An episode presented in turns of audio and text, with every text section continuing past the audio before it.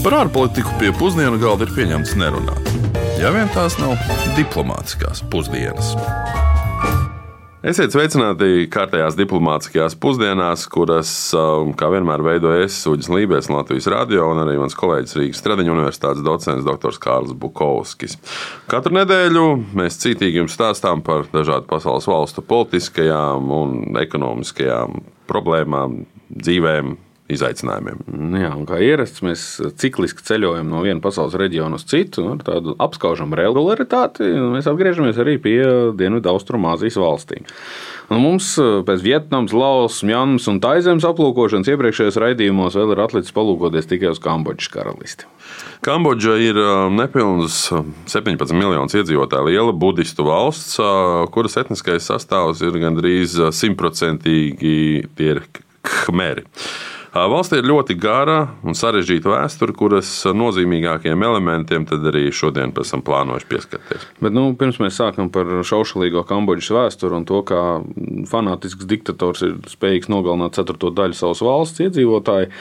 Komunismu ideja vārdā, protams, un gribas ar vieglu faktu tomēr to visu iesākt. Un, teikšu tā, Kambodža ir viena no tām ļoti nedaudzajām valstīm, kurā nav McDonald's. Ir KFC un ir Burger Kings, bet nekad nav bijis McDonald's. Tev ir izskaidrojums, kāpēc? Nu, runā, ka Burgerkings esot eh, tik konkurējoši, ka nelaižot iekšā, eh, un ka paši eh, kambodžieši īsti nēdot burgerus, un tāpēc viņiem pietiekot ar to, kas tur ir. Nu jā, šis tāds sadzīvisks fakts, bet uh, vēl kāda sadzīviska lieta ir tas, ka Kambodžas pašreizējais karalis ir ne tikai LGBTQI kopienas atbalstītājs, bet arī diezgan daudz pārliecības, ka viņš pats arī ir homoseksuāls. Un uh, Kambodžai, kurā tronis netiek pārmantots lineāri vienas ģimenes ietvaros, šis nav varbūt nekāds būtisks aspekts. Proti, uh, fakts, ka karalim Norodom Sihamoni nav bērnu, neietekmē varas nodošanu, jo nākamo karali tāpat izvēlēsies troņu Kroņa karaliskā padome, nevis viņš pats. Starp citu, karalis izglītību ir iegūmis Prāgas Mākslas akadēmijā un strādājis arī par baletu pasniedzēju Francijā. Nu, bijis viņš savulaik arī Kambodžas vēstnieks UNESCO. Bet vai šo vai ko citu par Kambodžu zina mūsu klausītāji, to mēs lūkojam noskaidrot ielu intervijās. Ar ko jums asociējas Kambodža? Kambodža ar tiem, tiem braucamajiem, tiem, kur nu, tās rikšas, un pilnas ielas un troksnis un jā, daudz cilvēkiem. Un, principā es tur biju. Un es redzēju to parku, kur tie koki tā izklājušies, un skulptūras. Un tas bija interesanti. Jā. Ar sauli. Pirmais, kas man nāk prātā. Nē, es tur biju. Nu, laikam nekas. nu, tur bija kaut kāds terors. Kaut kur pie Ķīnas. Man liekas, tā ir diezgan tāda zināma turistu vieta. Protams, ar tādām kaut ko eksotisku, krāsām, rakstiem, jā, citu kultūru. Ankurvats. Tur bija kādreiz ļoti asiņainā Khmeru valdība, un, bet tagad viņiem viss ir savādāk, un viņi negrib vairs karot. Es domāju, ka tur ir tīri, mierīgi, šreiz un jauki, un viņi tur attīstās. Kā tā? Bet, nu, Ankorvats un tās senie tempļi un tās vēsturiskās tādas lietiņas vairāk džungļi. Ar Ankoras templiem es tur esmu bijis. Jā, mēs speciāli braucam ar Ankoras templiem. Nu, posts un bēdas, kā jūs visi zināt, ir gājuši pāri tai Kambodžai, bet tad, kad es biju pirms pāris gadiem, jau izskatījās, ka viņi meķenīti sāk atkopties. Notiekot budistu atzimšanu, tā mums stāstīja. Tā kā iet tomēr uz labo pusi. Kaut gan kā nauda visur lieta ir kaut kāda vietējā, bet viss iet amerikāņu dolāros. Kambodžas vēsture ir kolorīta. To, cik tā ir sarežģīta, viegli raksturoja fakts, ka pēdējās desmitgadēs valsts nosaukums ir mainījies līdz ar valdošās elites nomaiņu. Tā ir bijusi gan Kambodžas franču protektorāts, tā ir bijusi Kambodžas karaliste, bijusi Khmeru republika, bijusi demokrātiskā Kampučija, bijusi Kampučijas tautas republika, gan arī vienkārši Kambodžas valsts. Un arī tagad, kopš 1993. gada, atkal ir nosaukumā Kambodžas karaliste. Valsts pārvaldes forma ir konstitucionālā monarhija, un šis ir ANO 90. gados iecerētais risinājums gadu desmitiem ilgušiem iekšējiem konfliktām starp Khmeriem un nu, citu etnisko grupu pārstāvjiem, kuru gan ir salīdzinoši maz. Nemainīgā lieta Kambodžā gan tomēr ir budisms, un tā ir bijusi dominējošā reliģija kopš vismaz 5. gadsimta. Un jāsaka, ka tikai sarkano Khmeru četrus gadus ilgušās valdīšanas laikā no 1975. līdz 79. gadam režīms aizliedza jebkādu reliģisku izpausmi. Nu jā, nu, ja mēs runājam par tomēr nemainīgajām lietām valsts vēsturē, tad vēl viena nemainīga lieta Kambodžas politikā, starp citu, ir arī valsts premjerministrs Hun Sens. Viņš valsti vadījis kopš 1985. Eh, gada, un par viņu varētu sacīt, ka nu, karaļi mainās, premjerministrs paliek. Režīma mainās, bet premjerministrs paliek. Nu, valsts nosaukuma mainās, bet premjerministrs paliek. Un uh, bijušais karavīrs, tostarp uh, sarkano khmeru rindās uh, Hun Sens, ir faktisks uh, valsts autoritārais diktators, kurš ir ne tikai mainījis savu nostāju no komunisma aizstāvju uz brīvā tirgus sistēmas aizstāvju, aizstāv, bet arī savu ārpolitisko nostāju, tuvinoties Ķīnai. Tostarp jau mūsdienu slavenās viena josta, viens ceļš iniciatīvas ietvaros. Jā, premjerministrs Hunsens pie varas noturas un valda pamatā ar vardarbību pret opozīciju, nav pārsteidzoši, un arī personīgo drošības dienestu. Dažādi pārmetumi par cilvēktiesību pārkāpumiem ir ļoti regulāri.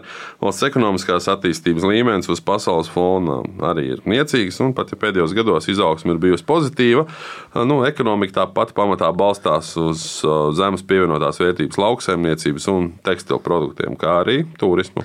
Nu, valsts ekonomikas izmērs ir eh, mazāks par Latviju. Tas ir citu, viens no tiem gadījumiem, kad šo te var ļoti labi novērot. Kambodžas eh, ekonomika ir nepilnīgi 23 miljardus eiro liela. Latvijas tikmēr ir gandrīz 29 miljardus eiro liela. Un tas ir situācija, kad Kambodžā ir vairāk nekā 8 reizes eh, vairāk iedzīvotāju. Nu, tādēļ arī nomināli IKP rādītājs uz vienu iedzīvotāju ir nedaudz virs 1300 eiro uz vienu cilvēku pret Latvijas 15,000. Nu, tas viss jāpēc Pasaules bankas datiem. Un, starp citu, atgriežoties atpakaļ pie tekstilu, pieļauju, ka Kambodžas eh, sieviešu ražotās drēbes ir redzējuši un valkājuši daudz. Un, eh, jā, šajā brīdī es, es, es apzināti teicu, ka tieši sieviešu ražotās, jo absolūtais vairākums tekstilu industrijā nodarbināto ir sievietes šuvējas.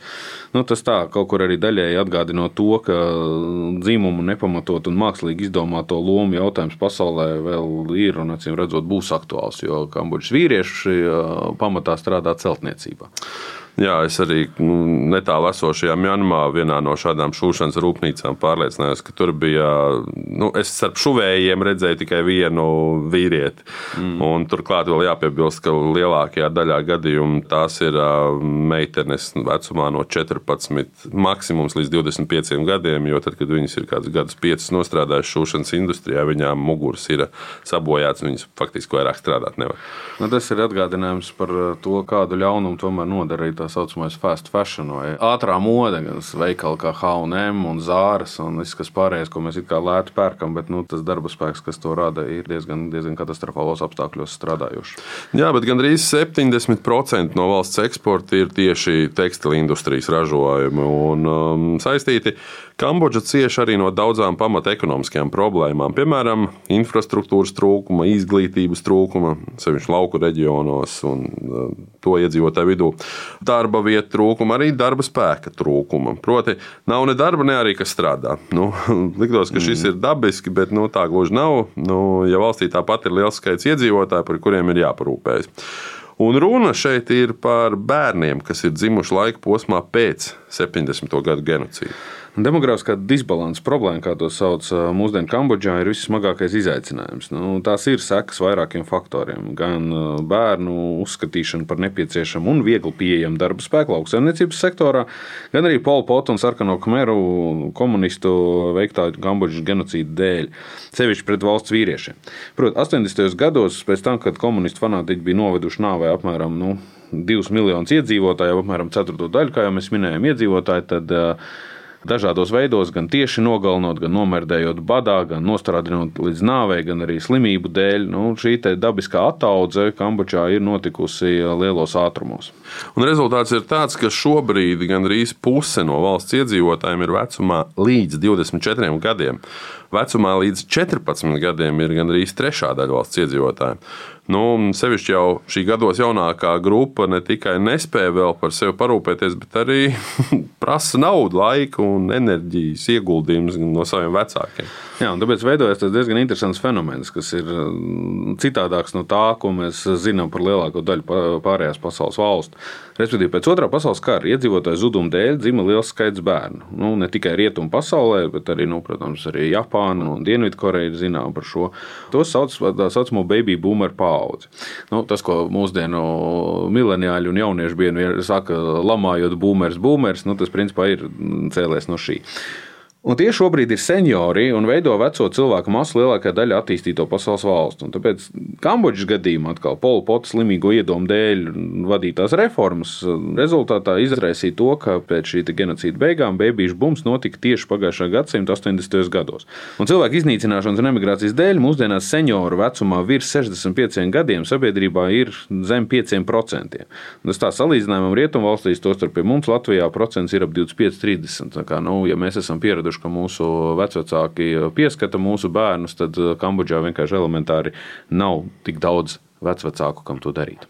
Pola Potība īstajā vārdā Salos Āra, vadītais sarkano khmeru režīms Kambodžas sabiedrības pārveidošanai, pielietoja ļoti dragoniskas Staļina un Mao stila metodes ar mērķi izveidot pašpietiekamu, lauksaimniecisku, sociālistisku valsti.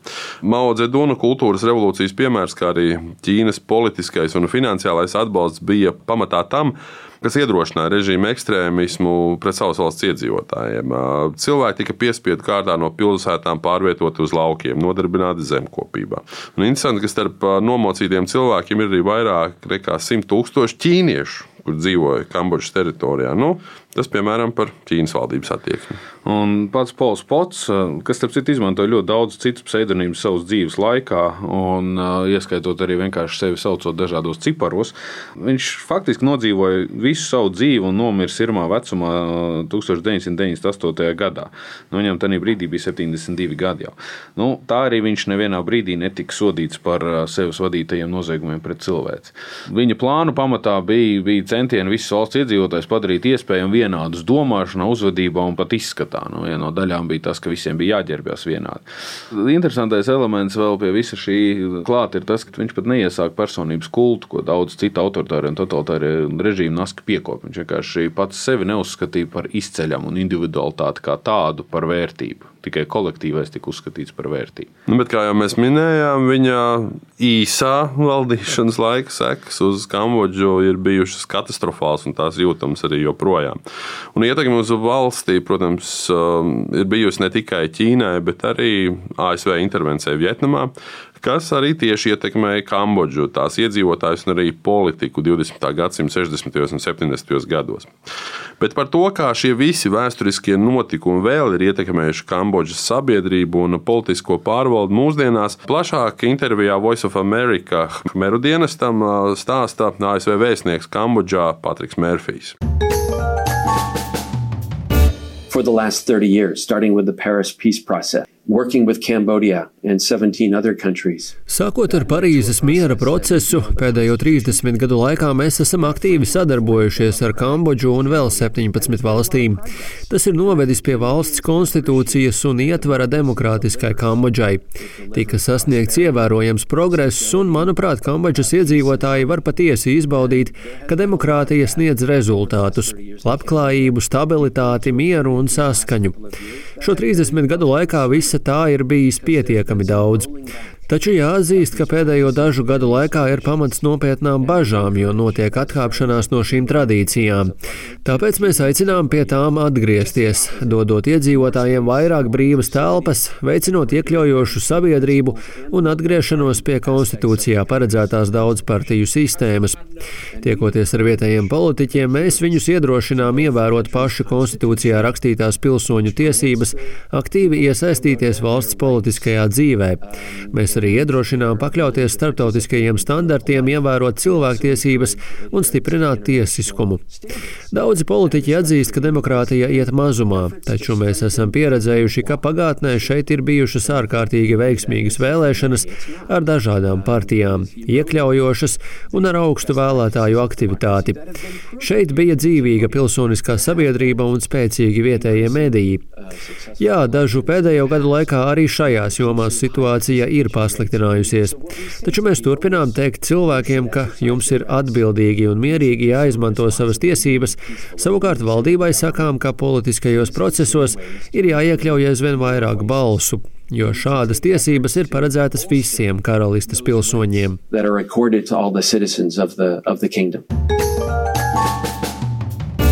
Jā, rezumējot, laikam īsi jāsaka, veidojot šos raidījumus, nereti aizdomājamies par to, cik mūsdienu pasaulē var redzēt, cik dažādas valsts var dzīvot dažādos gadsimtos. Respektīvi, par vienu valsti mēs stāstām par augstu tehnoloģisko un sociālo-ekonomisko attīstības līmeni, kur aktuālās problēmas ir sadzīviski niecīgas un pat smieklīgas. Tikmēr citas valsts un to sabiedrības, nu, tostarp arī Kambodža, cīnās ar pagājušo gadsimtu līmeņa fundamentālām sabiedrības izdzīvošanas problēmām. Nu, Kambodžas gadījumā politika un ekonomika un sabiedrība šķiet ir aizkavējusies par pāris gadsimtiem savā attīstībā. Un tā visa pamatā jau atkal fanātiski autoritārie līderi. Lai cik būtu paēdis, vienmēr ir vieta arī desertam. Turpinot tevis sacīto, desertu sākšu ar kādu pagalam skumju faktu. Kambodžā ir panīkusi tradīcija svinēt dzimšanas dienas. Tā tad nekā salde varētu teikt. Genocīda un citu sociālo-ekonomisku iemeslu dēļ cilvēki ļoti bieži pat nezina, kurā datumā ir dzimuši. Nav nedz pierakstu, nav arī atmiņa. Tādēļ jaungada svinībām tiek piešķirta vēl papildu emocionālā nozīme. Nu jā, bet pašā noslēgumā gan tomēr gribētos parunāt par kādu arī gadsimtiem senu parādību, bet kas ir daudz patīkamāk. Tādēļ ļuģi pastāst lūdzu par Ankoru Vatu. Ankoru Vata ir pasaulē pats lielākais templis, nu, vai kā to oficiāli raksta, pasaulē lielākā reliģiskā būve tempļa izskatā. Proti, Šī nav baznīca. Par pasaules lielāko baznīcu jau esam runājuši iepriekšējos raidījumos. Kopš 1992. gada Angkora Vata ir UNESCO pasaules kultūras mantojuma sarakstā, bet celts tas ir 12. gadsimtā. Oriģināli kā hinduistu templis dievam Višnu, bet jau tajā pašā gadsimtenī to pārveidoja par budistu templi. Un tas ir klasisks khmeru arhitektūras paraugs un ir kļuvis arī par Kambodžas valsts simbolu. Kambodžas karoks arī ir vienīgais, uz kura ir attēlota ēka, un tas ir tieši Angora Vata. Kā jau raidījuma sākumā minējām, ja Kambodžas nosaukums ir mainījies līdz ar režīmu izmaiņām, tad ēkas atrašanās uz karogiem ir bijusi nemainīga 150 gadus.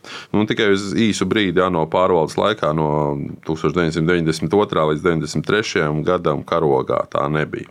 Nu jā, nu šī ir vienīgā īstā reālā ēka, kas ir atrodama uz karogiem. Vēl. Ēku atveidojumi un simboliskumi ir, ir atrodami vēl dažos karogos. Bet um, uz šī arī mēs raidījumu šodien noslēdzam. Tādēļ nākamnedēļ dosimies uz valsti, kas ir nepārāk tālu no mums, bet nu, jau Āfrikas kontinentā. Dosimies uz Tunisiju. Bet līdz tam, nu, lai veiksmīga nedēļa! Pieminēšu vēl tikai, ka tieši Tunisija bija pirmā valsts, kurai Latvija ziedoja AstraZeneca vakcīnas pret Covid. Vairāk nekā 50 tūkstoši devu mēs nosūtījām šī gada jūlijā. Mūsu raidījumu varat klausīties um, jums ērtākajās un piemērotākajās uh, platformās, uh, podkāstu veidā vai Latvijas Rādio 1 mājaslapā, arhīvā. Uz sadzirdēšanos jau pēc nedēļas. Diplomātiskās pusdienas katru otrdienu pusdienos Latvijas Radio 1.